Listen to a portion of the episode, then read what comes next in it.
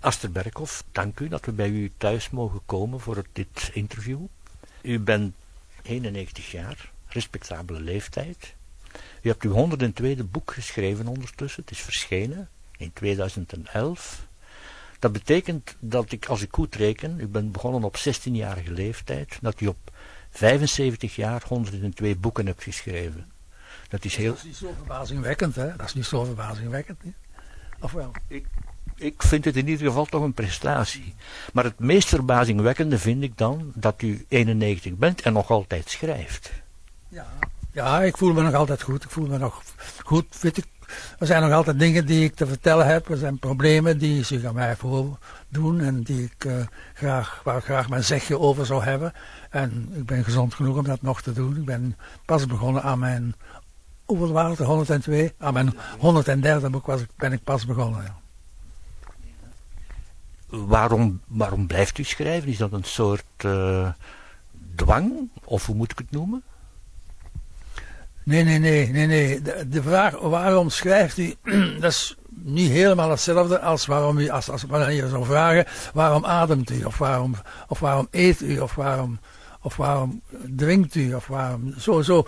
Eh, schrijven is gewoon mijn, mijn, mijn natuur, is mijn manier van leven. Iedereen heeft zijn eigen contact met de wereld. je ziet de dingen, je hoort de dingen, je praat ook en zo. En ik schrijf. Ik kijk, ik heb veel, veel rondgereisd in de wereld.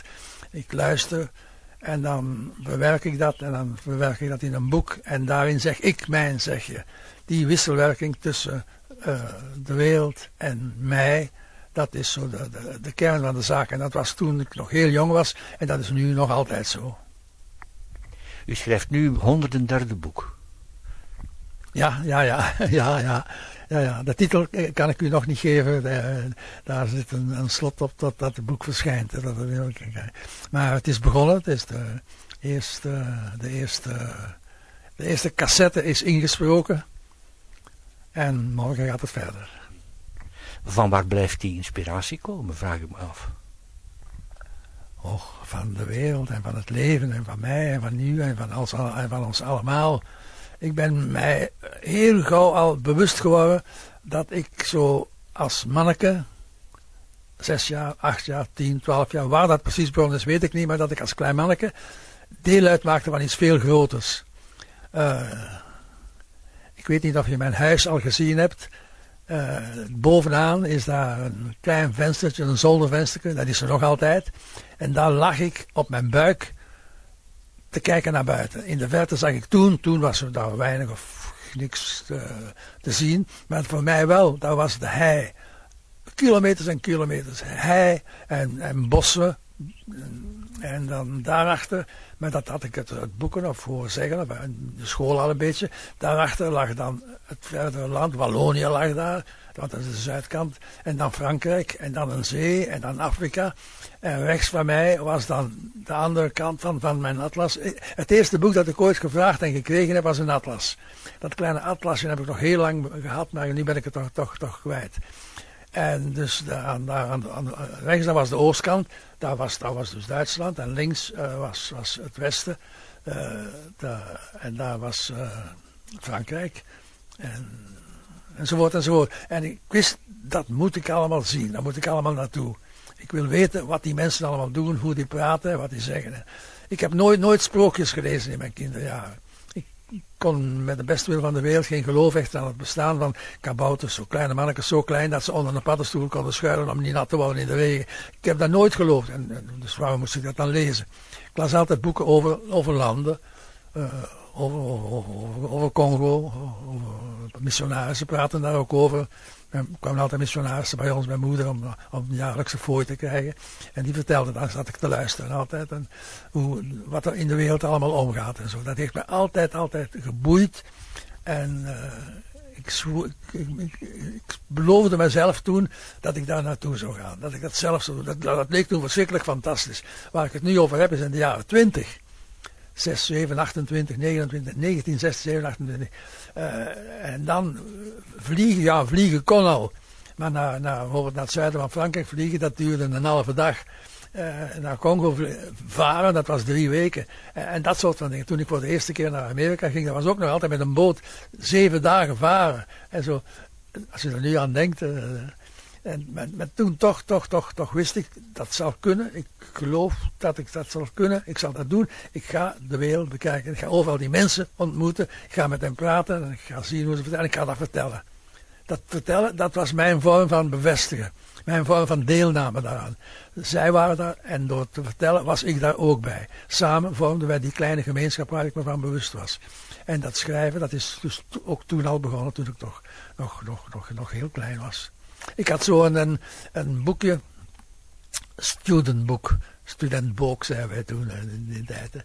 En uh, uh, voor rekensommen en zo, met, met ruitjespapier. En daarin met potlood schreef ik mijn eerste verhalen. En als dat boekje vol was, vlakte ik dat uit.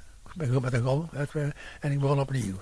En zo heb ik vele verhaaltjes geschreven over, over indianen, over, over olifantenjagers, over paalvissers, uh, over mensen in, in, uh, in, in, in, Japan die uh, rare dingen deden. Bijvoorbeeld als iemand veel verdriet had, dan wilde hij sterven. Dan vroeg hij zijn vriend, steek mij eens met een, met een, met een zwaard dood. En, en die deed dat dan.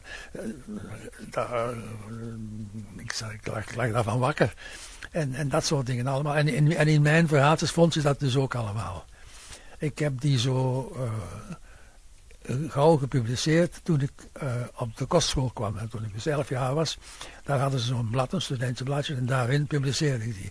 Uh, ook in parochiebladen publiceerde ik die.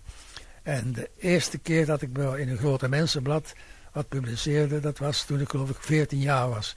Een klein verhaaltje uh, in een weekblad dat in Turnhout verscheen. De hoofdredacteur daarvan was Jozef Simons, kende Kempische schrijver, die voorzitter was van de Kempische schrijvers toen.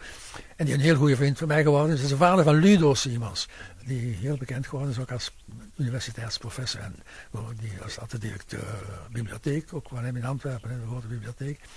En die, Jozef Simons, die is, dat is mijn eerste beschermer, zo mijn eerste aanmoediger. En zei, ja jongen, je doet dat goed. Je moet dat nog doen. En ik deed dat. En, nog, en zo, uh, toen ik uh, ja, geleidelijk opgroeide, in, in de kostschool ook, in, in blaadjes, in de Gazet van Hoogstraat en, in zo'n dingen allemaal. En dan op een duur, ja, op een duur werd dat een boek voor de eerste keer. De, student gaat voorbij, dat was eigenlijk mijn eerste, de student gaat voorbij. Dat was mijn eerste boek. Toen was ik nog student, maar ik had net mijn eindexamen gedaan. En toen dacht ik, ja, oei. En ik had heimwee. Ik, had, ik heb een heel gelukkige studentenjaren tijd gehad. Goed geamuseerd, dol geamuseerd, ook goed gestudeerd. Uh, en bij wijze van afscheid schreef ik toen De student gaat voorbij. En dat was mijn eerste boekje. Ja, ik vind het een beetje verbazend. U groeide daarop in een klein dorpje, Rijkenvorsel, in de stille Kempen, in de jaren twintig. Daar gebeurde weinig en toch had u die kijk op de wereld. Dat is toch een beetje verbazend. Ja, waar dat vandaan komt weet ik niet, maar dat zat in mij. Ik lag daar als die knaap, echt een kleine knaap, op mijn buik. Dat, die, die plancher is daar nog altijd op die zolder. Ik heb er nog eens opgelegen een jaar, twee of drie jaar geleden. Ik zeg, mag ik er nog eens gaan opleggen? En ik, ik heb dat nog eens gedaan. Dat bestond en daar eh, zag ik die, die, die, ik zag terug dat leven als knaap en met dat gevoel in mij, ginderver wonen de zwarten en ginderver wonen de indianen en ginderver wonen de Chinezen en ginderver wonen de Japanen, die zijn daar, ik, ik zijn in klas ook veel van, van, van geen, geen sprookjesverhalen, dus hè, klas boeken over vreemde landen, dat moest ik, dat moest ik hebben. Vreemde landen, waar iets was dat ik nog niet wist. En mijn, mijn, vader, die kocht die voor mij. Eh, dus uit die boeken en uit mijn dromen en uit mijn verlangens en uit mijn bewustzijn. Uh, ik ben daar een deel van, ik moet daar meer van weten. Ik was verschrikkelijk nieuwsgierig. Ik, uh, je hebt op, op elke plaats in een dorp een luienhoek. Nou, dat is overal of twee luienhoeken zelfs, waar s'avonds de mensen bijeenkwamen en babbelden en babbelden. Gewoon de nieuwtjes van de dag. Dikwijls dat was aan Bakkerwijnen bij ons daar in Rijkenbosch, Sint-Jozef. Daar stond zo'n meerpaal waar boten kwamen aanleggen en de vaart. De vaart van Turnhout loopt dan vlak voor onze deur. En daar op, die meerpaal zat dan een van die wijsgeren uh, die uh, nieuwtjes vertelden.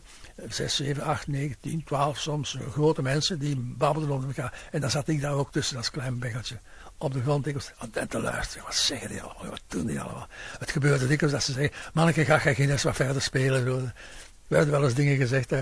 Ik hoorde nog veel dingen zeggen waar ik niks van verstond en zo. Maar ik hoorde dingen zeggen waar ik wel wat van verstond.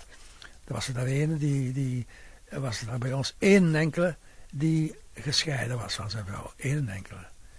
En dat was zo, bij ons thuis, was een heel streng katholiek milieu, werd dat bijna aangewezen als een duivel. Oh, ik heb zo ooit daar gezeten, met mijn elleboog tegen het been van die, van die duivel. En om te luisteren, hoe zegt hij dat, hoe doet hij dat en zo en zo. Ik bedoel, die, die verbeelding van mij ging dan daarop verder. Ik zag die, die, duivel dingen doen die, die hij nooit gedaan heeft, nooit gedaan heeft. Maar ja, hij was weg van zijn vrouw, wat, wat, we weten daarvan. Nu is dat geen, geen nieuws meer. Nu vragen ze, hoe, hoe, hoe, hoeveelste vrouw is dat en zo. En uh, nu, uh, wat doen, ja, dat bewustzijn, dat contact met de wereld, dat was heel reëel voor mij. Het is geen toeval dat ik, dus zo gauw ik volwassen was, de wereld ingetrokken ben. Ik ben, naar het schijnt, de eerste Vlaamse schrijver die een reis rond de wereld gemaakt heeft. Zo in één keer in één reis rond de wereld. Met, met, met, met stoppen overal en zo. En uh, ik heb ook heel Amerika, Zuid-Amerika, Afrika, alles doorkruist. Met veel genoegen doorkruist. En dan daarover ook boeken geschreven om dat contact te bevestigen. Ik ben daar ook bij met hen. Um, laten we het eens over schrijven zelf hebben. Hè. U doet het op een heel merkwaardige manier. U vertrekt in maart naar de Provence, blijft daar tot oktober. U bedenkt daar allerlei personages, allerlei intriges voor uw boek. Dan komt u naar Vlaanderen, naar hier thuis, en dan begint u te schrijven van, laten we zeggen, van oktober tot maart dan weer dan schrijft u eigenlijk wat u in die overzomeringsperiode hebt bedacht. Zo gaat dat. Ja, zo gaat dat. Ja, dat, is, uh, dat is begonnen een jaar of, jaar of dertig geleden, een beetje meer. Uh, de, de reden is, ik, ik, uh, ik dweep met de Provence. Dat is een, voor mij een soort van sprookjesland. Niet, niet, niet de Côte d'Azur, dat is, dat, is, dat is een kermistentenrij, een soort van grote Singsevoort. Uh, mooi en, en, aangenaam en voor jonge mensen heel plezierig. Ik, ik ben als jonge man ook veel op de Côte d'Azur geweest. In die, die, die, hotels, die bars, die, die cafeetjes, die, die boekwinkeltjes en zo, heel tof. Maar achter de Provence ligt, achter die uh, Côte d'Azur ligt de Provence. Heuvels en heuvels en heuvels, van de ene horizon naar de andere. Begroeid met pijnbomen, met keukeiken, met oude, oude uh, olijfbomen dan nog tussen van vroegere plantages. Veel, veel, veel uh, oleanders en, en lavendel. Uh, dat groeit er allemaal in het wild. En valleien en valleien vol met wijngaarden. Wijngaarden en wijngaarden. En dan op de heuveltopjes kleine dorpen die meestal de kleur hadden van de bergen zelf. Bruin, roosbruin, lichtgeel, zoals die rotsen zelf. die leken op versterkte kastelen van ver. Uh, ze waren dat in zekere zin ook in de tijd, middeleeuwen en zo wat later, waren er uh, rovers, Afrikaanse, uh, Muzelmanse rovers, die daar kwamen plunderen. Weet wel, de Arabieren zaten tot in, in Andalusië, tot in Spanje, en die stuurden zo'n legerstroepen uit. En die, die, staan, die, die toren staan daar dan nu nog altijd. En dat, dat land, en, de, en daarop de zon. De zon, ik ben een, een dwepen, met, ik dweep met de zon. Als, als er ooit een godsdienst komt, de godsdienst van de zon, dan word ik de hoge priester. Ik moet warmte hebben. Ik, ik, kan, ik leef op als ik 30 graden en 35 graden op mij voel. Dat is, dan, ben ik, dan ben ik gelukkig. Dus heel vroeg, heel vroeg als student al ben ik voor de eerste keer daar aangekomen in de Provence. En ik zeg, hier, hier, hier moet ik zijn en hier, hier ga ik ooit een huis bouwen. Daar heb ik toen, toen ik nog geen twintig jaar was, er was toen geen sprake van dat ik dat zou kunnen. Ik had er de centen niet voor. Uh, maar ik zeg, hier ga ik ooit een huis bouwen. Ik heb dat gedaan.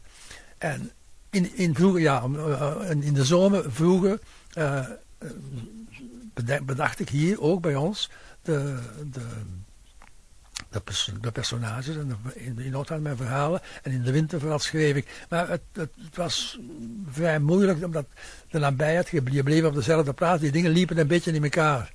Maar toen ik dat huis daar in de had gebouwd had, uh, toen kon dat gescheiden worden.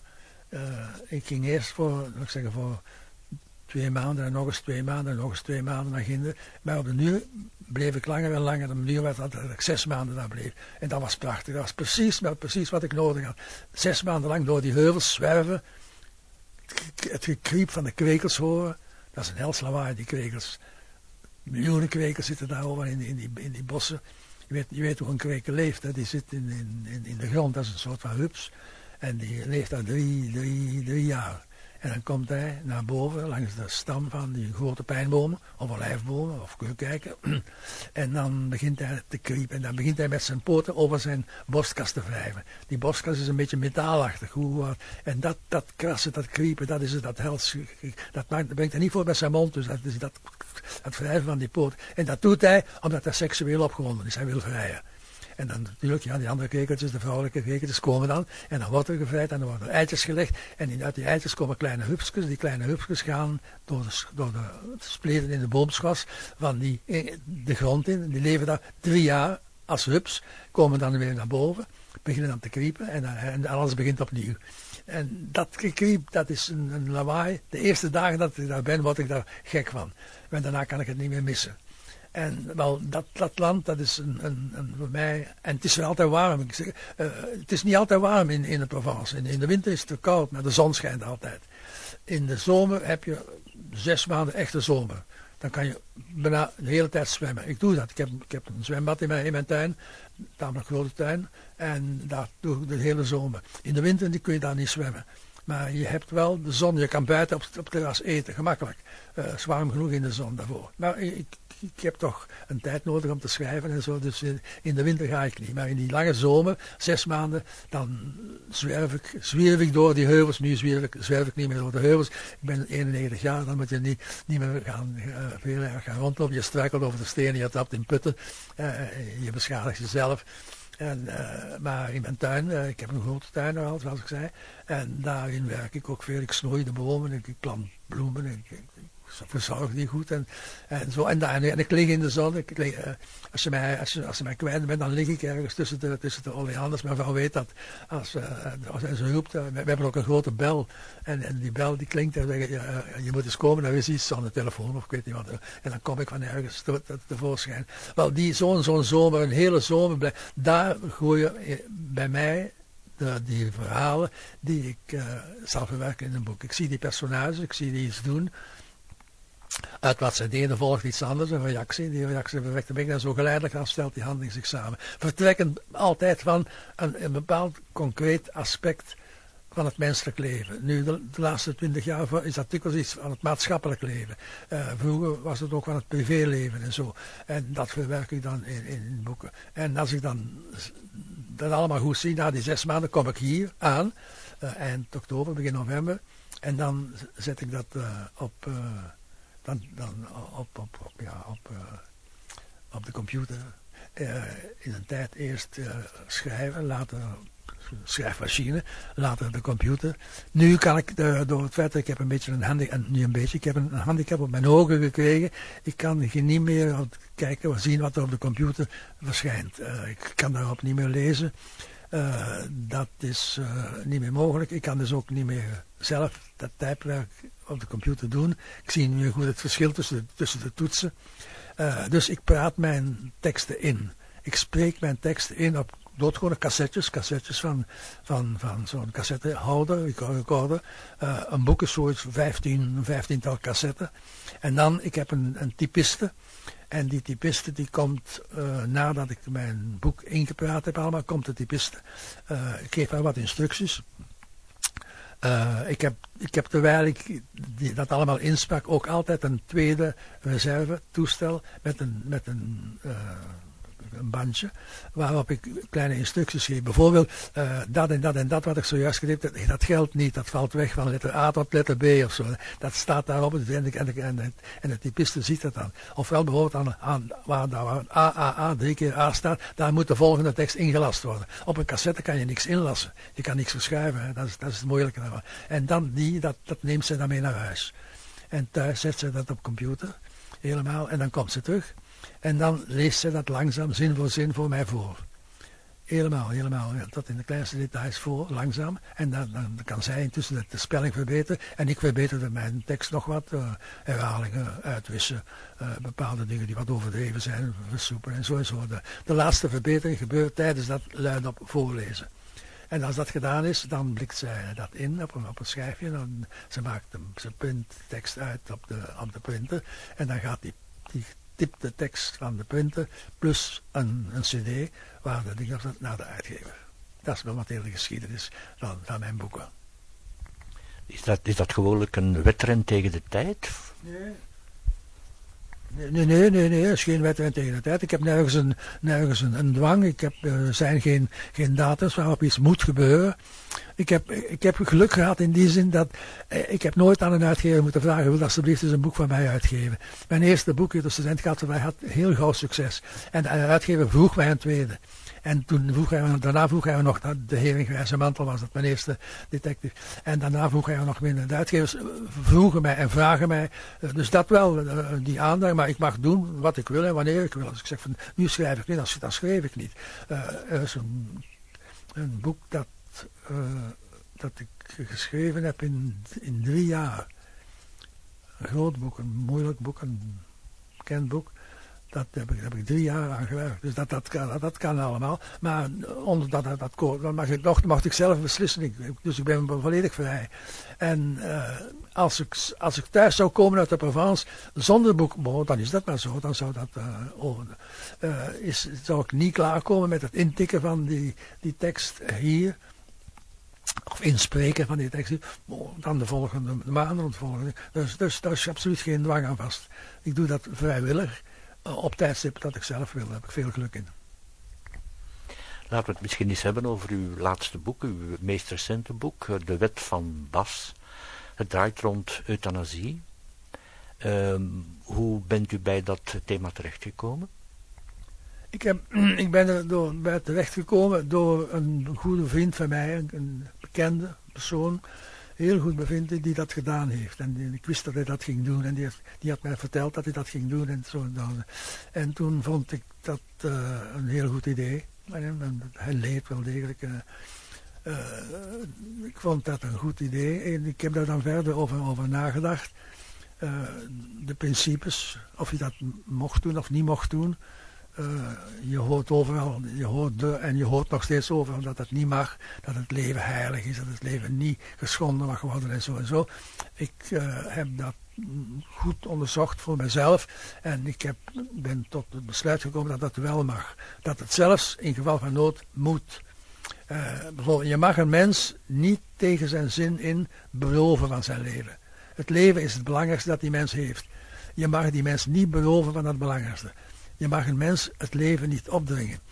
Niet, niet, niet, niet, niet afnemen. Maar je mag het, dat was het zinnetje wat ik ging zeggen, je mag het hem ook niet opdringen. Je mag een mens niet dwingen te leven. De mens is vrij. Uh, niemand heeft het beter geschreven dan destijds Schiller. De mens is vrij en in ketten geboren. De mens is vrij, al was hij in ketens geboren. En die, een vrije mens heeft dat leven en dat leven mag je niet, daar mag je geen dwang bij uitoefenen. Je mag dat leven niet afnemen en je mag het hem ook niet opdringen. Ik vind dat zo uh, zieke mensen, zwakke mensen, uitgemergelde mensen, mensen die bijna niks meer kunnen, die gaan bewerken en bepraten. En ze, nee, nee, blijf toch leven, je moet, je moet, en zo en zo. Het zijn mensen, mensen met een geloof die dat doen. Uiteraard, het, het, leven is dan door God geschapen en daar mag je niet aan raken. Uh, die mensen mogen van mij geloven wat ze willen, maar ze mogen niet uh, dat gaan zeggen, met aandrang zeggen tegen heel zwakke mensen die zich niet meer kunnen verdedigen. Ik vind dat doen de zogenaamde palliatieve zorgen, uh, waarbij hen bijna gedwongen wordt van de euthanasie niet toe te passen. Ik, dat vind ik, dat vind ik, uh, ik vind dat ook een misdrijf. Het leven afpakken is een misdrijf, het leven opdringen is voor mij ook een misdrijf. Ik las ergens in een interview dat het ook iets te maken had met de dood van uw moeder, in die zin eh, dat er een tante nonnetje was die eigenlijk op haar manier ook met de dood omging in die tijd al. Ja, ja zeker vast. Ja, ik, ik, ben, ik was er bij mijn moeder bij toen ze stierf, dagenlang. en uh, een zuster van haar was daar een nonneke in dat, in dat ziekenhuis. En die verzorgde daar ook goed. En dat was een katholiek ziekenhuis. Uiteraard, anders zou er geen nonneke zijn. En uh, die, daar werd dus geen euthanasie toegepast, zo gezegd. Uh, maar toen de dagen vorderden voor mijn moeder en een berg afging zoals men zei. En toen stond mijn tante Nonneke naast mij bij het bed en ze toonde mij ze in hand. En in haar hand lagen drie grote witte uh, pillen, ja, pilletjes, pillen, serieuze pillen. En ik zeg, wat is dat? Ja, zegt hij, als het echt zeer gaat doen. Die zei, als het echt zeer gaat doen, dan geef ik haar dat. En ik zeg, dan sterft ze, ja, dan sterft ze, zei ze. En die, die, die, deed dat dus. Die, en, zo, en zo gebeurde het ook. Op zeker moment, uh, op zeker liet ze mij haar hand zien en toen lag er nog maar één pilletje in. Twee waren weg. En enkele uur nadien stierf, stierf mijn moeder. En toen vertelde zij ook dat er daar een, een, arts was, een heel bekende arts, de grote arts eigenlijk, die... Uh, dus ook, zo gezegd, niet de euthanasie toepast. Maar die had ook zijn manier om dat te doen. Dat weet ik van een ander nonneke. Ook, ook uit datzelfde klooster, een vriendin van mijn tante nonneke. En die zei dat. Die gaat rond en als iemand zo in het stadium komt dat het hem echt zeer doet, en dan, dan legde, legde die zijn arm zo op de voorarm van die patiënt. En dan wisten de zusters uit. En dan mocht hij sterven. En dan stierf hij. Dus uh, men denkt ik dat het niet gebeurt in, in de katholieke ziekenhuis. Ik weet dus uit ondervinding dat het wel gebeurde. En ik vind dat heel goed dus.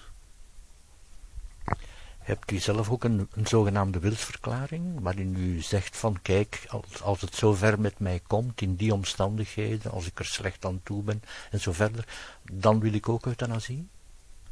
Uh, ik weet zeker, zo dat zeker dat ik het zal, dat ik het zal doen als het, als het zo is dat het echt zeer doet. Uh, ik heb zo'n wilsbeschikking nog niet opgesteld.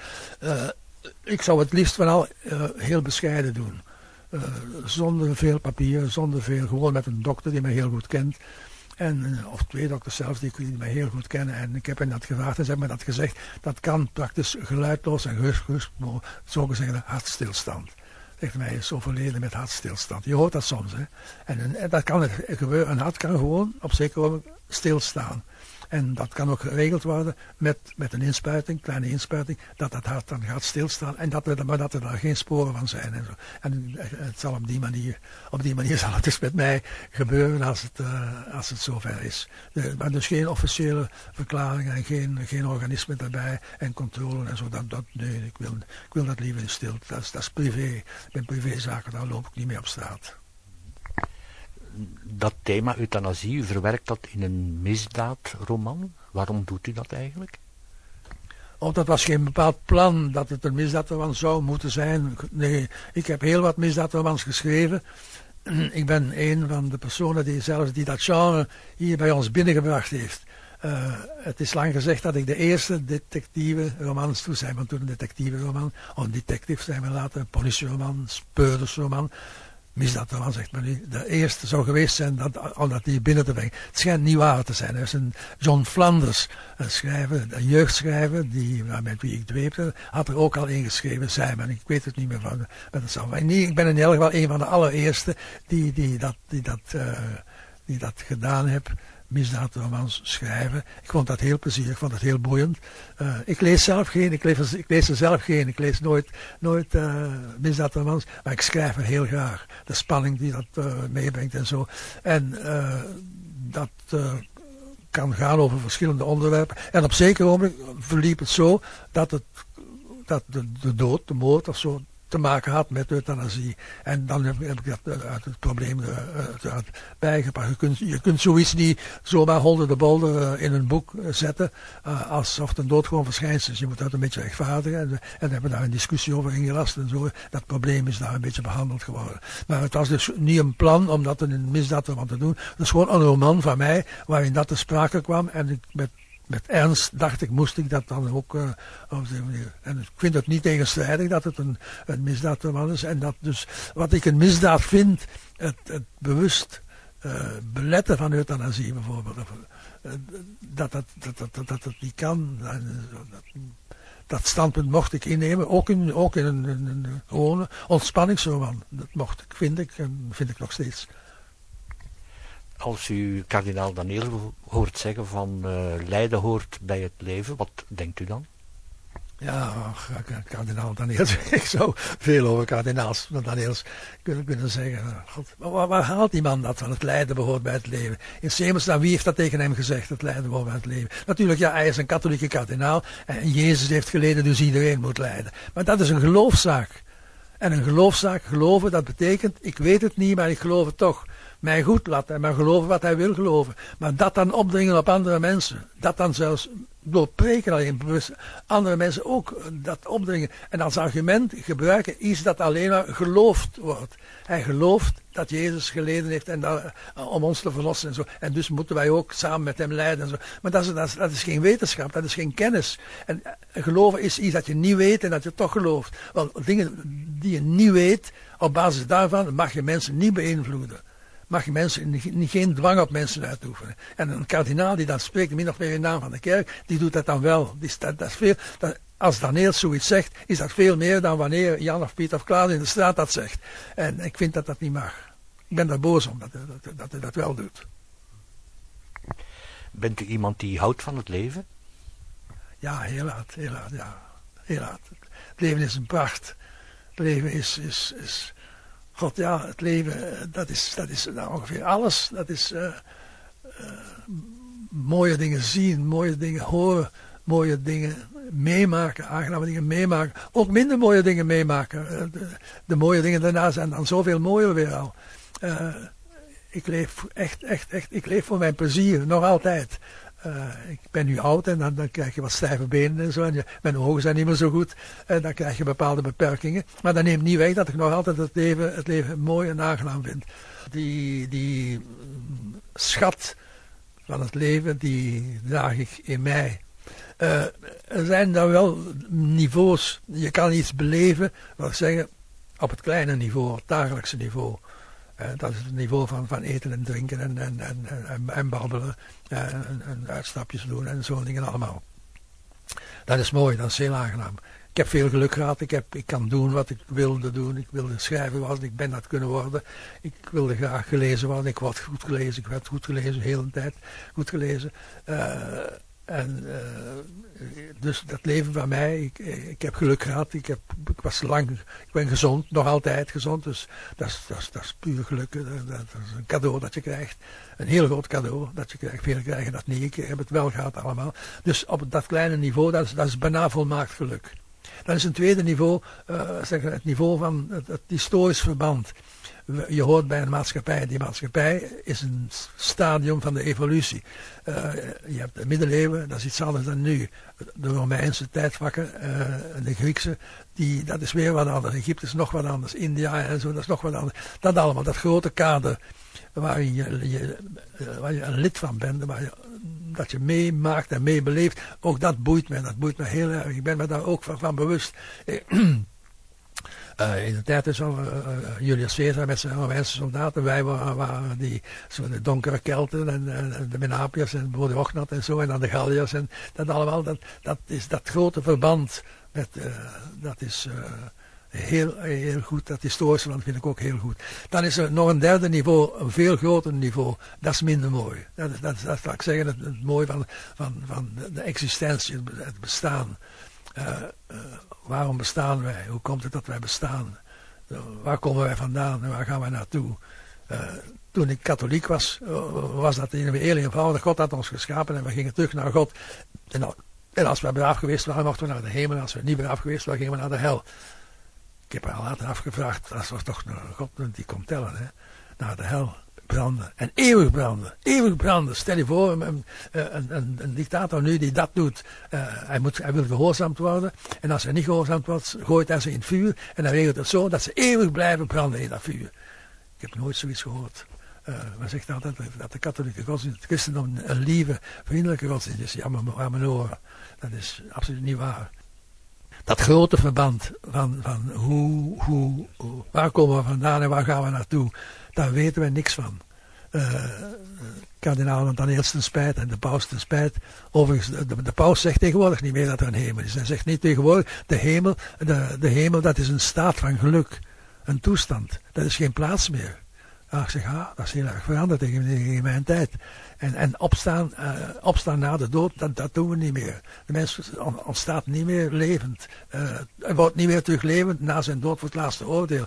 Uh, wij de ding zegt hij, wij leven voort in de herinnering van God. God herinnert ons nog. Dat, dat is allemaal zo onkatholiek als maar kan. Maar van zwart, die, dat grote, grote, heel grote verband voor een muzelman is dat anders, voor een hindoe is dat nog anders, voor, een, voor, een, voor iemand van de Tao is dat nog anders, allemaal.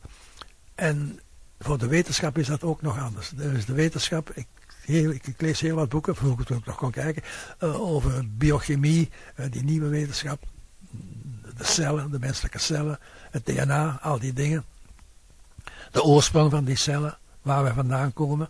Uh, we kennen allemaal nu die lange geschiedenis dat, dat we eerst eencellige wezentjes geweest zijn, daarna tweecellige, driecellige, dat wemelen, dat, dat wemelen tegen elkaar in die warme poelen in de oceanen.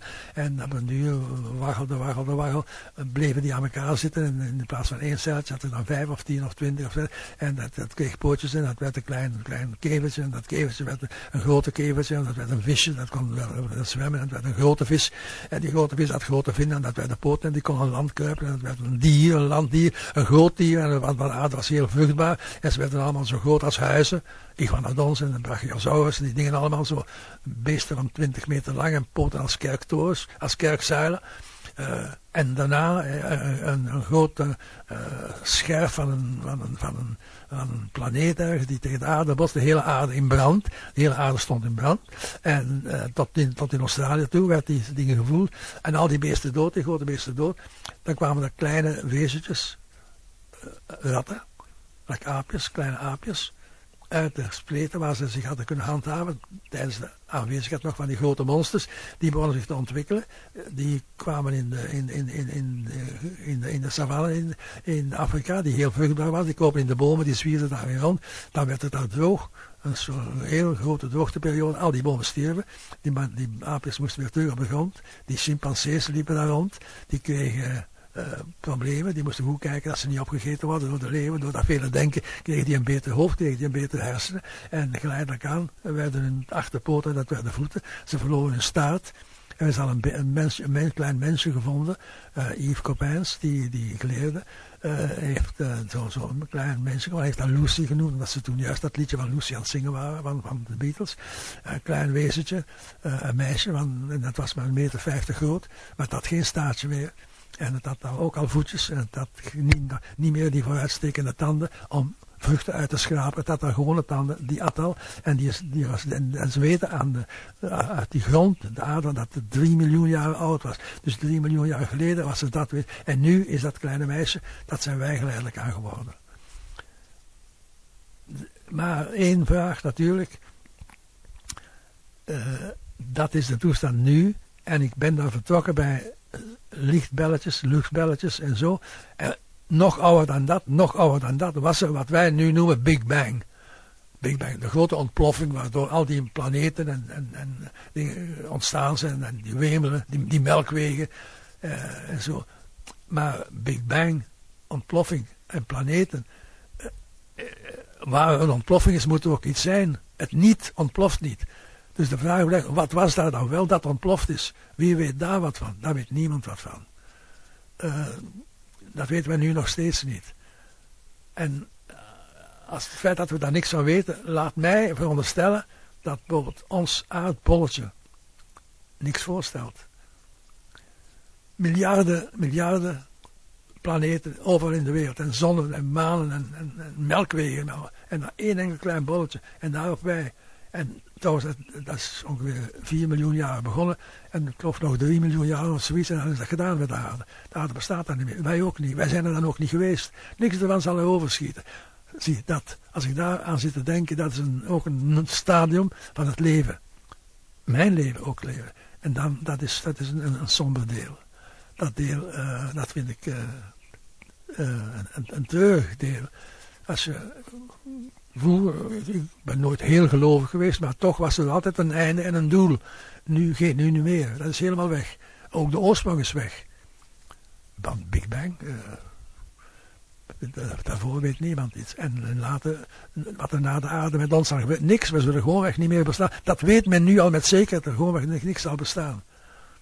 En ik heb een, is een uh, recensie geschreven voor de morgen over een heel geleerd boek van de Britse geleerde, de beste wiskundige van de wereld, zei iedereen, zegt iedereen, uh, Penrose, Roger Penrose.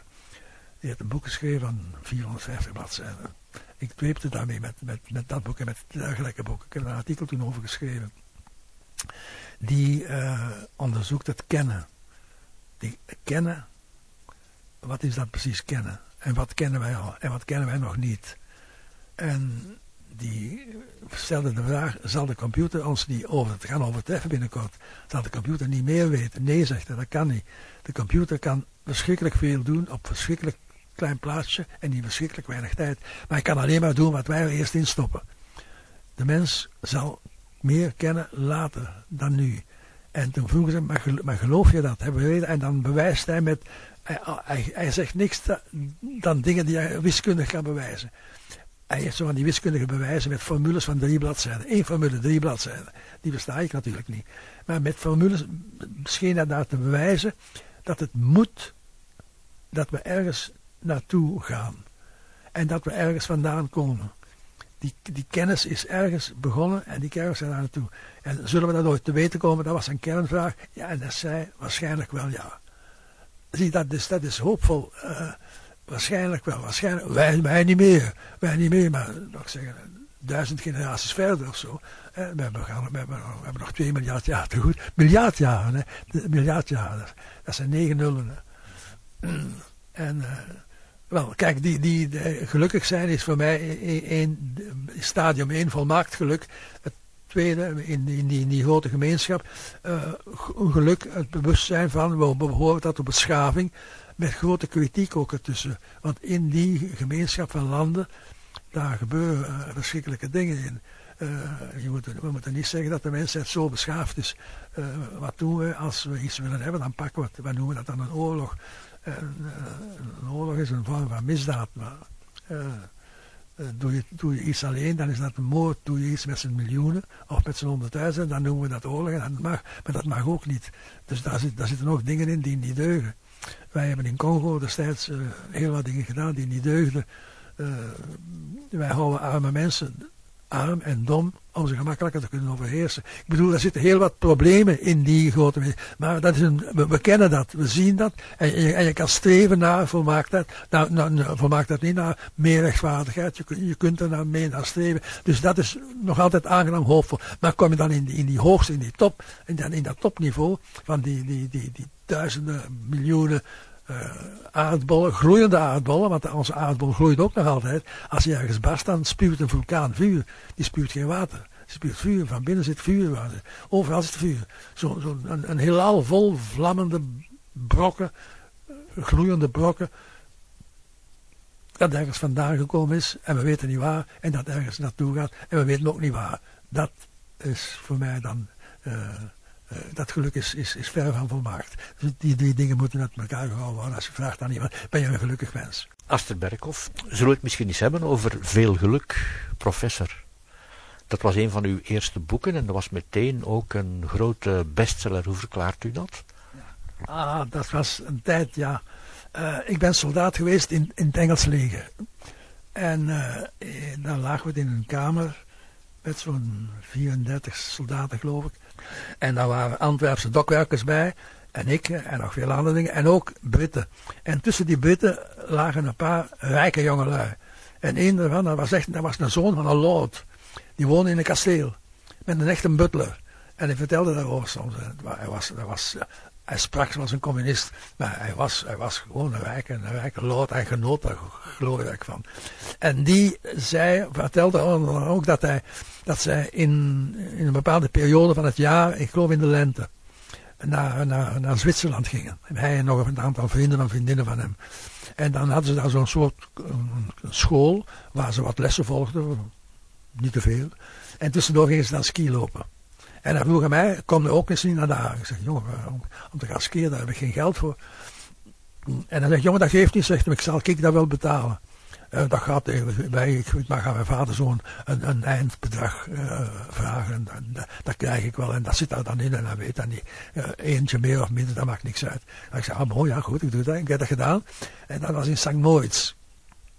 Hotel Kulm. Staat, staat er nog. en daar kwamen wij bijeen. En een hele groep, allemaal studenten van dingen. En die daar beleefden wij ons een, een pret, die ik nog nooit meegemaakt had. Die witte, witte, witte bergen tot hoog in de lucht en daarop en dan naar beneden. Uh, eerst alle rollend naar beneden en dan, dan sukkelen, sukkelen, sukkelen en dan wat beter, nog wat beter. En dan s'avonds uh, après ski in de bar pintjes pakken en werd er geflirt en, en, en, allemaal. En daar was ook een meisje en dat, dat, dat had zoals als, uh, als hobby een beetje zo het verliefd maken van professoren. Uh, die mannen op hol brengen, dat vond ze zo plezierig. En ze ging dat weer doen. En ze, zei, ze, ze wees daar weer een, een aan, die ze kende, want het jaar tevoren, Steinbach heette die. ja, dat is goed, zegt, ik ga dat doen. Maar Steinbach was ziek gevallen en er kwam een ander in de plaats die veel jonger was. Oh, dat is niks, zeg Ik zal, ik zal we blijven erbij, ik zal het en die doen. En, en, ze, en dat werd zo. En dan, tot daar is alles nog, nog, nog, nog authentiek. Helemaal geschiedenis authentiek. En uh, daar vertel ik wat echt was.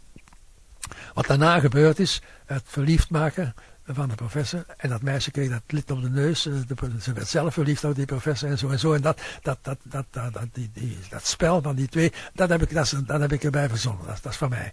Maar de rest, dus die, die, die sfeer, dat, dat jongen, dat, dat, dat geen plezier, dat dolle, die witte wereld, totaal van, weg van de wereld. Je, bent daar in een ander bestaan. Uh, dat was voor mij een zo grote bekoring dat ik, dat, toen ik thuis kwam, ik heb mijn koffer niet uitgepakt. Ik heb mijn koffer naast mijn tafel gezet en ik ben dat boek beginnen te schrijven. En uh, die, die liefdesgeschiedenis dan uh, met dat meisje was het behoorlijk goed afgelopen. Ze is met die, die jonge professor gaan flirten.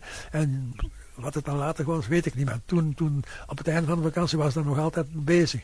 Maar ik laat het dus, ik, ik heb dat veranderd. Ik heb daar een andere geschiedenis bij gedacht. Uh, dat, dat, dat die professor haar ik moet het allemaal niet vertellen. Uh, een, een, een, een, een intrigue, een plezierige intrigue zo, met verrassingen. Dat heb ik erbij verteld allemaal. En dat boek, uh, ik, ik, schreef dat werkelijk in, in, een, in, in, in een toestand van gelukzaligheid. En dat pakte in, dat, dat, pakte de mensen, dat trof de mensen onmiddellijk. Ik, ik, heb het eerst gepubliceerd als feuilleton in een weekblad. Daar kreeg ik al brieven over. Toen verscheen het als boek, toen kreeg ik nog meer brieven op straat kwamen mensen mij tegen en veel geluk professor. Dat tegen en uh, hoe dat komt, ik denk dat voor toen, toen, toen, voor die mensen, uh, we hebben het nu over het eind van de jaren 40, het tweede helft van de jaren 40, 47, dat toen ook voor hen dat een nieuwe wereld was. Dat kent nu, nu, nu, nu, nu gaan we allemaal skiën, uh, of wel snowboarden of wat ook, dat is niet meer zo vreemd. Maar toen was dat een, echt een paradijs. En ook denk ik die, die, die, die sfeer, die, die vrolijke sfeer, die daar goed in zit in dat boek, plus dan de spanning van dat verhaaltje erbij, dat vrolijke intrigue, dat, kleine intrigue die ik erbij gebracht heb, dat, dat viel heel erg in hun smaak. En lazen dat, lazen dat. Het was ook nieuw. In die zin, uh, het, het, ont, uh, het ontspanningsgenre, ontspanningsboeken, dat is iets dat bij ons in Vlaanderen niet bestond toen in die tijd, dat bestond niet. Uh, ik kreeg op mijn donder van, van veel uh, recensenten voor dat boek allemaal. Ja maar, ja, maar, literatuur is toch dan niet en zo en zo allemaal. En, en daar zit, uh, ze vinden daar geen, geen beeldspraak in en ik weet niet wat allemaal en zo allemaal. dat is, dat de, alle landen, alle landen, grote landen hebben wel uh, ontspanningsboeken. In Frankrijk bijvoorbeeld had je toen al, oh ja, al veel vroeger, niet alleen Gallimard, die beroemde uitgevers van hele literaire boeken, maar ze hadden ook de série noire, zoals dat heette. Dat was een hele reeks misdaadromans, alleen maar dat. En dat werd, je werd daarin opgenomen als het, als het een goede misdaadroman was, en slecht als het een slecht, en het werd er niet opgenomen als het een slechte misdaadroman was. Dat werd apart besproken. En teen, eh, ze zeiden niet van een misdaadroman dat het een slecht boek was, omdat het niet bij Gallimard paste.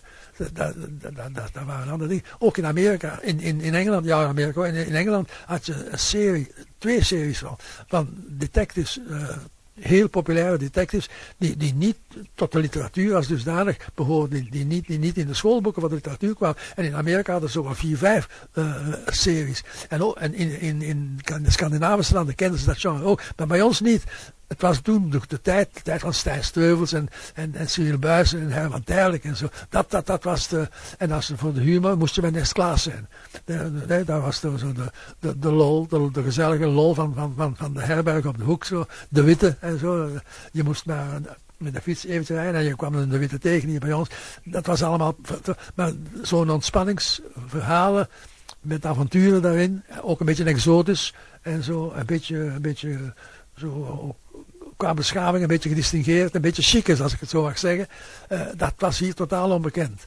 En ik heb dat, denk ik, ik heb dat, mag het zeggen, ze hebben dat voor mij geschreven, uh, dat hier bij ons in Vlaanderen ingevoerd. Uh, niet alleen dus met veel gelukprofessor, maar dan nog met een heleboel andere van dergelijke boeken. En die, die hebben dat genre hier, hier gevestigd. Dat heeft een, probleem geschapen met, met de kritiek. De kritiek was daar ook nog niet aan gewend aan dat soort van plezierige boeken. En die, die, die braken mij af. Ik heb weer wat op mijn donder gekregen toen. zo. Maar dat werd ook, die ruzie met critici kwam ook wel gedeeltelijk door een feit dat men toen twee kampen had. Veel meer nu dan, toen dan nu. Het katholieke kamp en het niet-katholieke kamp. Rechts en links. Toen in die jaren de, had men dat nog. De, en de katholieke pers en de niet-katholieke pers. En, uh, en het werd dat ik dus uit de katholieke pers was. Automatisch werd ik door de niet-katholieke uh, afgekampt. Misschien iets van niet-katholieke. Dan werd in de katholieke pers afgekampt. Dat was een bespottelijke toestand die lang, lang, lang nog bestaan heeft. Voor mij is daar een eind aan gekomen toen ik dat was in, toen ik 40 jaar was, in 60 dus.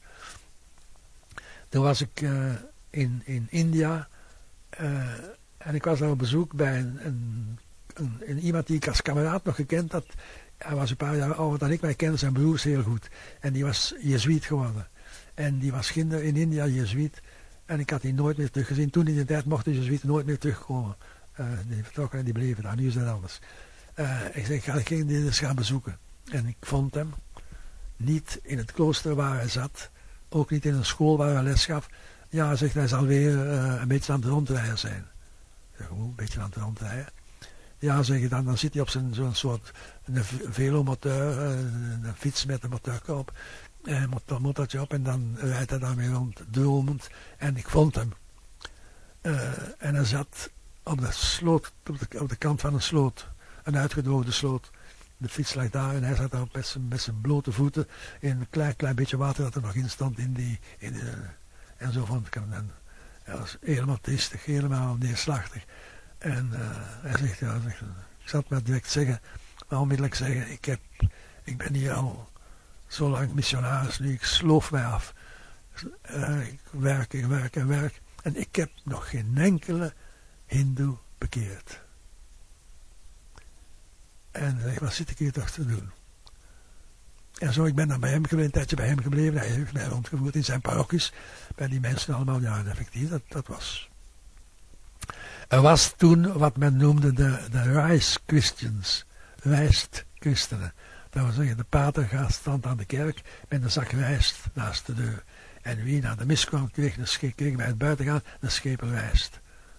Om te eten. Ja, om te eten. En dus velen kwamen van, voor de schepen rijst en, en, en, en, de mis in de kerk namen ze erbij. En dat vertelde hij ook mij. Hij toonde mij zo'n uh, kerkje waar dat gebeurde. En hij toonde mij in een hokje naast de kerk waar die zakken rijst stonden. Kijk, zegt hem, dat zijn onze christenen, die zakken. En zo, de somberheid. ik heb daar een boek over geschreven. De dagboek van de missionaris heet dat. En dat was een, een, een, een verrassing in die zin dat ook de, de mannen van links dat goed vonden.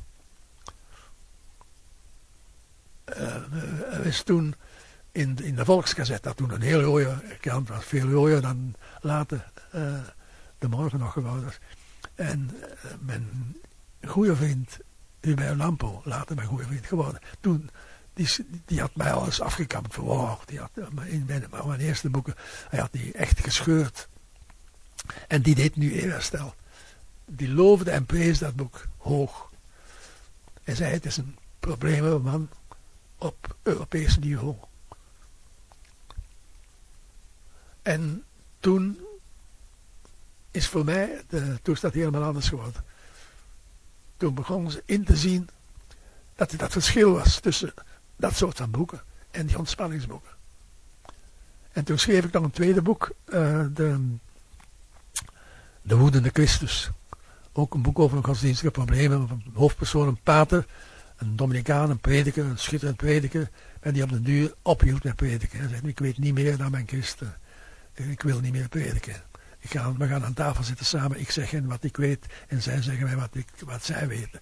En, zo. en dat boek dat viel ook heel goed uh, in de smaak bij bij de kritiek. En dus niet alleen de links, links ook de rechts prezen mij daar hoog. En daar is voor mij toen de, de toestand veel beter geworden. U was van 1950 tot 1990, laat ons maar zeggen, de meest gelezen auteur van Vlaanderen. Hoe verklaart u dat? Uh, wel, de, die, het, feit dat het, die, die, die lichte boeken, die ontspannende boeken, zo goed in de smaak vielen, dat was één punt. Dan het feit dat dan had ik dus een publiek bij, laten we zeggen, de liefhebbers van lichte boeken.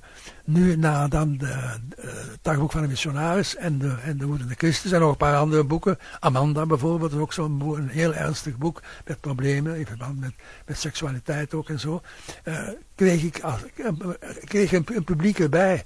Het publiek van de literatuur kreeg ik erbij. En dat werd dus groter en groter.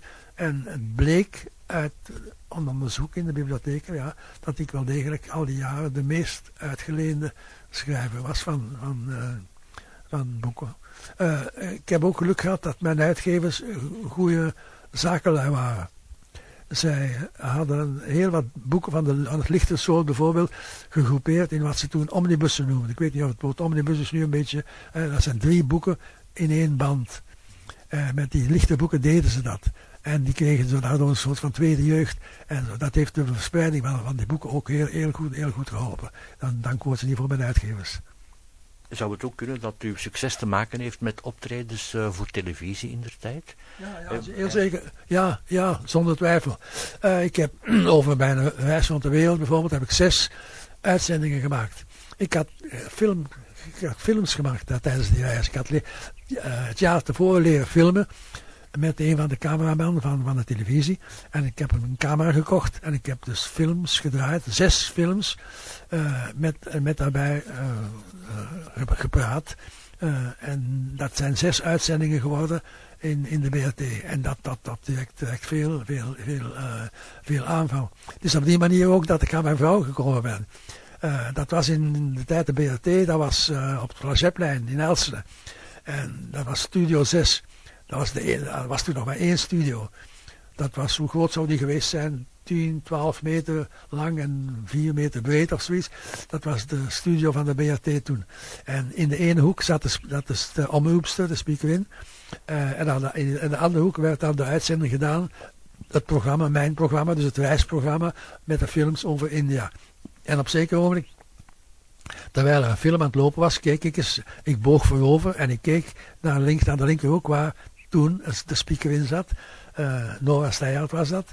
Uh, en ik zag dat op hetzelfde ogenblik Nora Steyaert vooroverboog en keek. hoe het in mijn hoek naartoe aan toe ging. En die blikken kruisten elkaar uit. We zijn dan toen uh, we zijn koffie gaan drinken. En, voilà. Nog altijd. Nog altijd getrouwd, Tom? Ja. We drinken nog, we drinken nog altijd koffie samen, ja.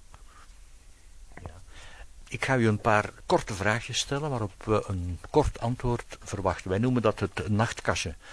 En de eerste vraag is, welk boek ligt er nu op uw nachtkastje? Ik weet niet of u nog kan lezen op die manier. Ik kan, nee, ik kan niet meer lezen. Ja, ik, ik, kan niet meer lezen. Dat, is, dat is helemaal dat, dat, is, dat ik gewoon kwijt ben. Dat, u, luistert, u luistert ook niet naar boeken? Ik heb dat geprobeerd, maar mijn, mijn verbeelding dwaalt altijd af. Als ik, als ik luister, ik let niet genoeg op. En bovendien, bovendien, en, uh, ik, ik word dan... Uh, ik heb zoveel gelezen in boeken in mijn jeugd, al, al heel mijn leven lang. Als ik dan luister, dan mis ik, ik mis dat boek, ik mis dat papier en zo. En dan ben ik me bewust van dat, dat gebrek dat ik nu aan mijn ogen heb en zo. En, en bewustzijn van een gebrek is, is niet zo goed. En dan, en nee, ik doe dat niet. Hebt u een favoriete auteur? Ja, uh, Philip Roth, de Amerikaan, die, die volgens mij al lang de Nobelprijs had moeten krijgen. Dat is mijn, mijn geliefkoosde auteur. Die heeft, ik heb denk ik al zijn boeken uh, tot, tot uh, ja, de laatste drie, vier jaar niet meer, dat ik niet meer kan lezen. Dat is, ik ken momenteel geen enkele schrijver die zo diep graaft in het menselijk bestaan, in de menselijkheid en die dat zo mooi en zo zuiver en zo beeldrijk kan schrijven. Ik ken er geen enkele ander die dat zo goed kan. Uw favoriete gerecht, mogen we dat weten? ja, ja. Uh, Uh, ja, ik, heb, ik, ik, ik, ik, ben een, graag een gretig eter. Ik eet veel dingen graag. Maar ik eet bijzonder graag wat ze een coquille Saint-Jacques noemen. Hoe is dat in? Sint-Jacobsvruchten of zoiets geloof ik heet dat. Schelpen, ja. Dat, dat, dat vind ik heel lekker. Mijn vrouw kan dat heel goed geweest maken. Um, stel dat u iemand mag uitnodigen op een etentje. En dat mag om het even wie zijn, ook uit de geschiedenis. Uh, wie zou u dan uitnodigen? En hij komt nog ook. En hij komt nog? En hij komt nog ook. Komt hij? Hij, komt. Hij, dus u mag uitnodigen wie u wil. En hij komt. Of hij of zij uit de geschiedenis of vandaag de dag. Oh, wel, ik zou, ik zou, oh, zou zonder twijfel uh, Roger Penrose uitnodigen. Dat is de beste wiskundige van de wereld. Die, dat prachtige boek geschreven heeft. Uh, hoe heet het weer? De geest, de nieuwe geest van de keizer. Dat is een woordspeling op de nieuwe kleren van de keizer. Uh, een prachtig boek over de stand van de kennis, van de menselijke kennis nu. Het allerbeste boek van de laatste, denk de laatste tien jaar en dan wou ik zeggen, de laatste vijf, zes jaar dat ik nog kon lezen, heb ik bijna uitsluitend wetenschappelijk werk gelezen. Biochemie, geschiedenis en dat soort uh, En dus Penrose, die grote wiskundige, die professor is in Oxford. En die, uh, dat kan, die, die, die, alles weet wat er te weten valt over de menselijke kennis. Met hem zitten en hem vragen, hoe ver staan we nu? Uh, gaan we het weten of gaan we het niet weten? En zo. hij, had, schrijft in zijn boek dat we waarschijnlijk zullen komen tot de kennis hoe en waarom daar wat meer over hem over spreken. Van welke stad houdt u het meest? Oh, dat is, dat is Parijs, zonder enige twijfel Parijs. Uh, ik ken geen enkele stad waar het zo aangenaam is om, om in rond te lopen. En die, die, die, die centrale wijze om de stad te bouwen, dat paleis van, van het Louvre en dan dat, die, die, die pleinen en dan die ontzaglijke Champs-Élysées en die, en, die, en die boog, die triomfboog op en dan die grote die boulevards van, van, van, van. Die, uh, rond, de hele, die hele stad is zo mooi gebouwd. Ook zelfs, ook zelfs de volksbuurten zoals Montmartre en, en vroeger daar in de tijd van de Place Pigalle. Dat zijn mooie uh, stijlvolle 19e eeuwse dikwijls. Uh, geen wolkenkrabbers daartussen. Dat is, en, en, en, en, cultureel is dat qua museum, musea denk ik wel de rijkst voorziene stad van de wereld. je kunt ook theaters, er zijn nog altijd in de 40 theaters waar je toneel kan zien. Zijn concertzalen, ik bedoel je kunt heel lekker eten. Uh, ongelukkiglijk, uh, met, het, met het vorderen van de jaren, is het, het lawaai van de auto's en het stof van de auto's en het getoeter van de auto's uh, hinderlijk geworden. In, mijn jongere jaren was dat er nog niet bij. Toen waren er auto's, maar niet veel. Je kon gewoon een straat oversteken. Nu kun je geen straat meer oversteken in Parijs, dan, dan word je doodgereden. Maar die stad, Parijs, is veruit voor mij de topstad van de wereld. En in welke... Waardoor ik, waarmee ik niet bedoel dat ik de Parijzenaars en de Fransers daar de top mensen van de wereld vind. Dat is weer wat anders. Hè? Welk stuk natuur vindt u het uh, mooiste? Uh, je kunt moeilijk een oceaan met een gebergte vergelijken. Ik zou zeggen, de, de, de, Himalaya is een ontzaglijk gebergte, een prachtig gebergte. Ik ben erin geweest de, zee, de baaien daar van Hongkong en Japan, die zijn, die zijn prachtig, maar een zee en een oceaan kan ik niet goed vergelijken. Ik hou van de, de pampas van Zuid-Amerika, dat is, dat, is, dat is verrukkelijk. Uh, maar er rijden ook al meer en meer auto's door.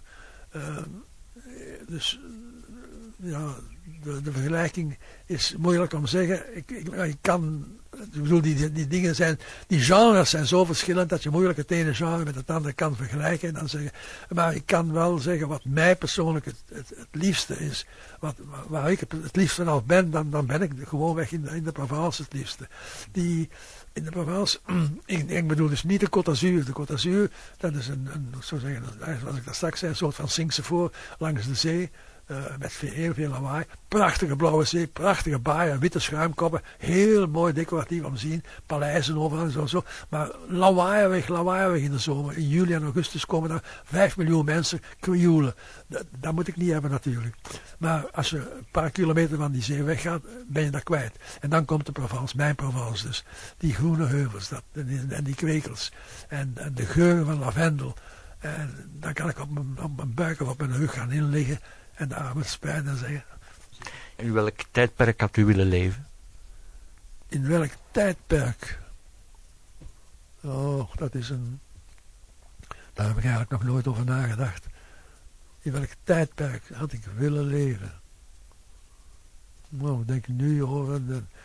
Uh, of leef ik misschien, misschien uh, als ik zeg het tijdperk van nu, dat is niet meer waar. Omdat nu met de, met de vervuiling is, gaat zo ver.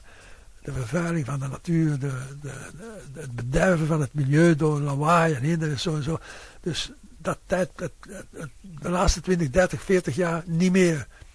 Maar daarvoor, de jaren 50, de jaren 60, daar, daar heb ik in geleefd. Daar heb ik mijn jonge jaren in beleefd. Daar was ik heel tevreden. Dat vond ik uh, boeiend en, en, en er was al verkeer, je had al auto's, je kon snel overal naartoe, je kon snel vliegen. In, in, in mijn, eerst, mijn eerste tocht met boot, toen ik de eerste jaar over Afrika vloog, dan hang je zo, vroeger met, met de langzame vliegtuigen met, met een schroef nog, dan, dan hang je zo een eind heel hoog in de wolken en je hangt daar als, als een soort van kever. En je ziet ginder de, de, een streepje en dan zeggen ze dat is de Nijl. Ah, bon, zeg je dan. Twee uur later kijk je weer en je zegt, ah, maar die Nijl ligt dan zo'n beetje schuin en zo, zo. Na twee uur dan. En dan op de is de Nijl nog een beetje schuin en dan zeg je, ja, dan is de Nijl. Dat langzame, dat, dat is, uh, uh, dat lieve, dat was mooi. Maar nu niet meer.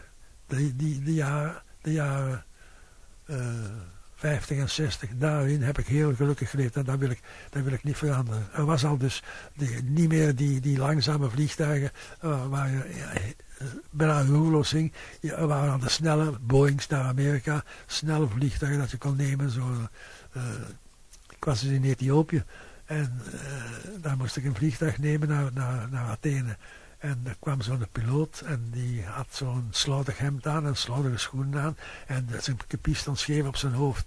En ja, zei hij, dat is de piloot. Ik, ik zei, dat zou, wel, zou die dat wel kunnen? Ja, hij, hij, kon het toch blijkbaar. Maar uh, de, de, de, normen waren toen nog niet zo streng als nu. Want achteraf hoorde ik dat die man half dronken was toen. Toen ik, toen ik hem zag, maar het was, het was toch goed afgelopen. Dat zie dat denk ik nu niet meer mogelijk was. Uh, toen ik voor de eerste keer eens in India een vliegtuig moest nemen naar Nepal. En toen kwam de piloot ook eventjes bij ons en het was een man met een grote tulband en een witte baard. Dat was de piloot. Je, schrikt dan een beetje. Zeg, ja, maar kan die dat wel? En, maar die kon dat heel goed. Dus dus die, die periode waarin de moderne tijd al doorgebroken was, in de jaren 50 en 60. Uh, iedereen had een badkamer, iedereen had een, uh, een goede keuken, iedereen had een auto, praktisch iedereen, iedereen uh, ging, kon op reis gaan.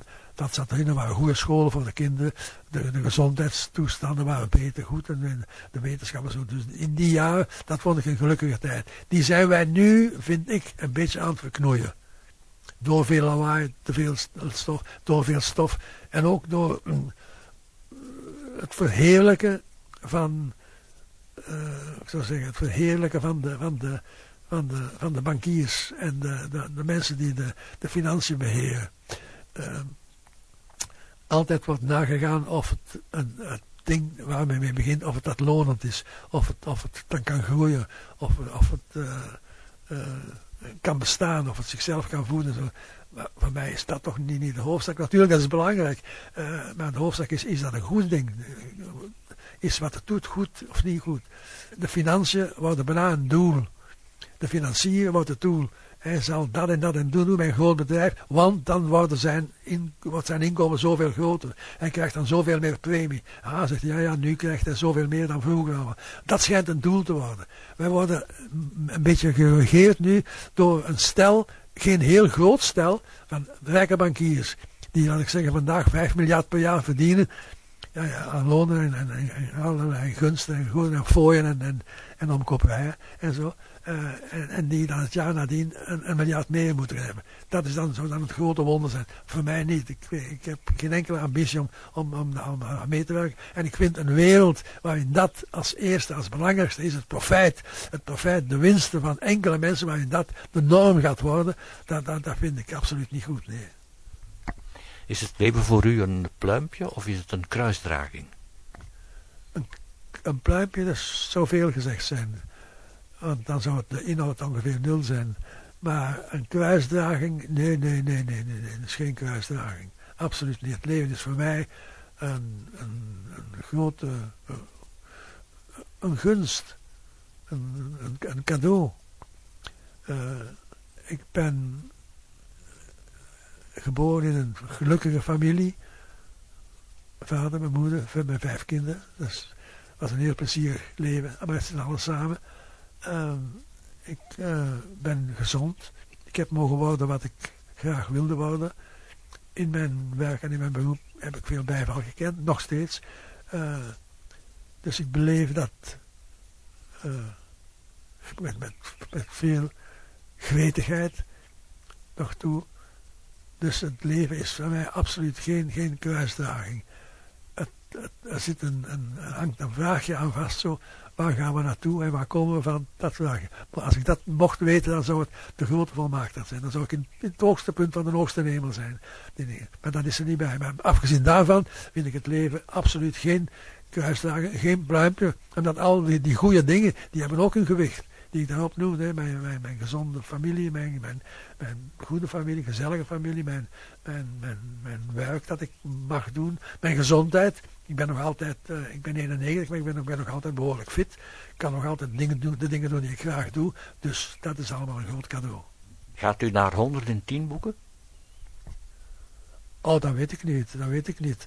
Uh, op zeker ogenblik, uh, als je 101 bent, dan ben je al heel tevreden 101. Uh, tellen doe ik niet. Omdat dat is voor mij te, te onzeker. Dat weet, dat weet. Overigens, dat, die, dat, die 101 toen ik dat voor de eerste keer hoorde, dat we niet, ik schrok daarvan. Ik wist dat zelf niet. Ik wist wel dat ik veel boeken geschreven had en ongeveer, maar dat er daar op zeker ook 101 en 102 was, ik wist dat niet. Ik dus dat is voor mij geen enkele realiteit. Nee, nee. Wat ik kan doen is, is die boeken schrijven, nog altijd. Uh, als er een ogenblik komt dat mijn geest verandert, dat mijn geest het begeeft, dat, ik, dat mijn geheugen niet meer functioneert en al zo'n dingen, dan, dan, dan zal dat gedaan zijn. Dat, dat, zal me niet wanhopig maken. Het zal heimwee opwekken in mij, maar niet wanhopig maken. Omdat ik ben, ben verstandig genoeg om te weten dat de dingen niet eeuwig duren. De dingen gaan voorbij. Dat feit kun je niet, niet. Dus wanhopig zijn om iets dat toch niet kan logenen, dat, dat, dus, dat, dat, zou eerder aan de domme kant zijn. Dat doe ik niet. Maar... Uh, ik ben blij dat het nog altijd voortduurt. En ja, ik leef dus nu van het ene jaar in het andere, zonder, zonder, zonder te denken, zonder plannen te maken voor, voor de toekomst. dus geen, geen, geen cijfers. Uw favoriete muziek? Uh, dat zijn de, de klaversimbel, uh, maar nu dat klavier, de klaviermuziek van, van Bach. Bach heeft zo, niet dus ook, ook de grote dingen van Bach, maar Bach is mijn lievelingsauteur. Bach, uh, niet zo'n grote kolenwerken, daar luister ik zo niet naar. Ik hoor niet graag uh, muziek. Maar hij heeft, uh, zoals de meeste componisten van zijn tijd, een heleboel suites geschreven. Dat waren eigenlijk ontspanningssuites. als er ergens een feest of een banket was, in de hoek was er dan een vleugelpiano en daar zat een muzikant op en die speelde stukken, steen na tanden, zomaar. En dat waren lichtere stukken, gevarieerd van aard. Uh, en Bach heeft er zo 1, 2, 3, 4 series geschreven. En die op klaversymbol gespeeld is al mooi, maar ik koos liever op, op, op klavier. Omdat bij klaversymbol, uh, je hoort dat gepiep en dat gekraak van die oude instrumenten bij mij, mij stoort dat. Maar bijvoorbeeld de, de Canadese pianist Glenn Gould, uh, die heeft die stukken allemaal gespeeld op piano. En dat, die stukken, dat, dat fijne, fijne, fijne, ragfijne, heel smaakvolle, mooie getinkel van die muziek van Bach, gespeeld door Glenn Gould, dat is mijn lievelingsmuziek.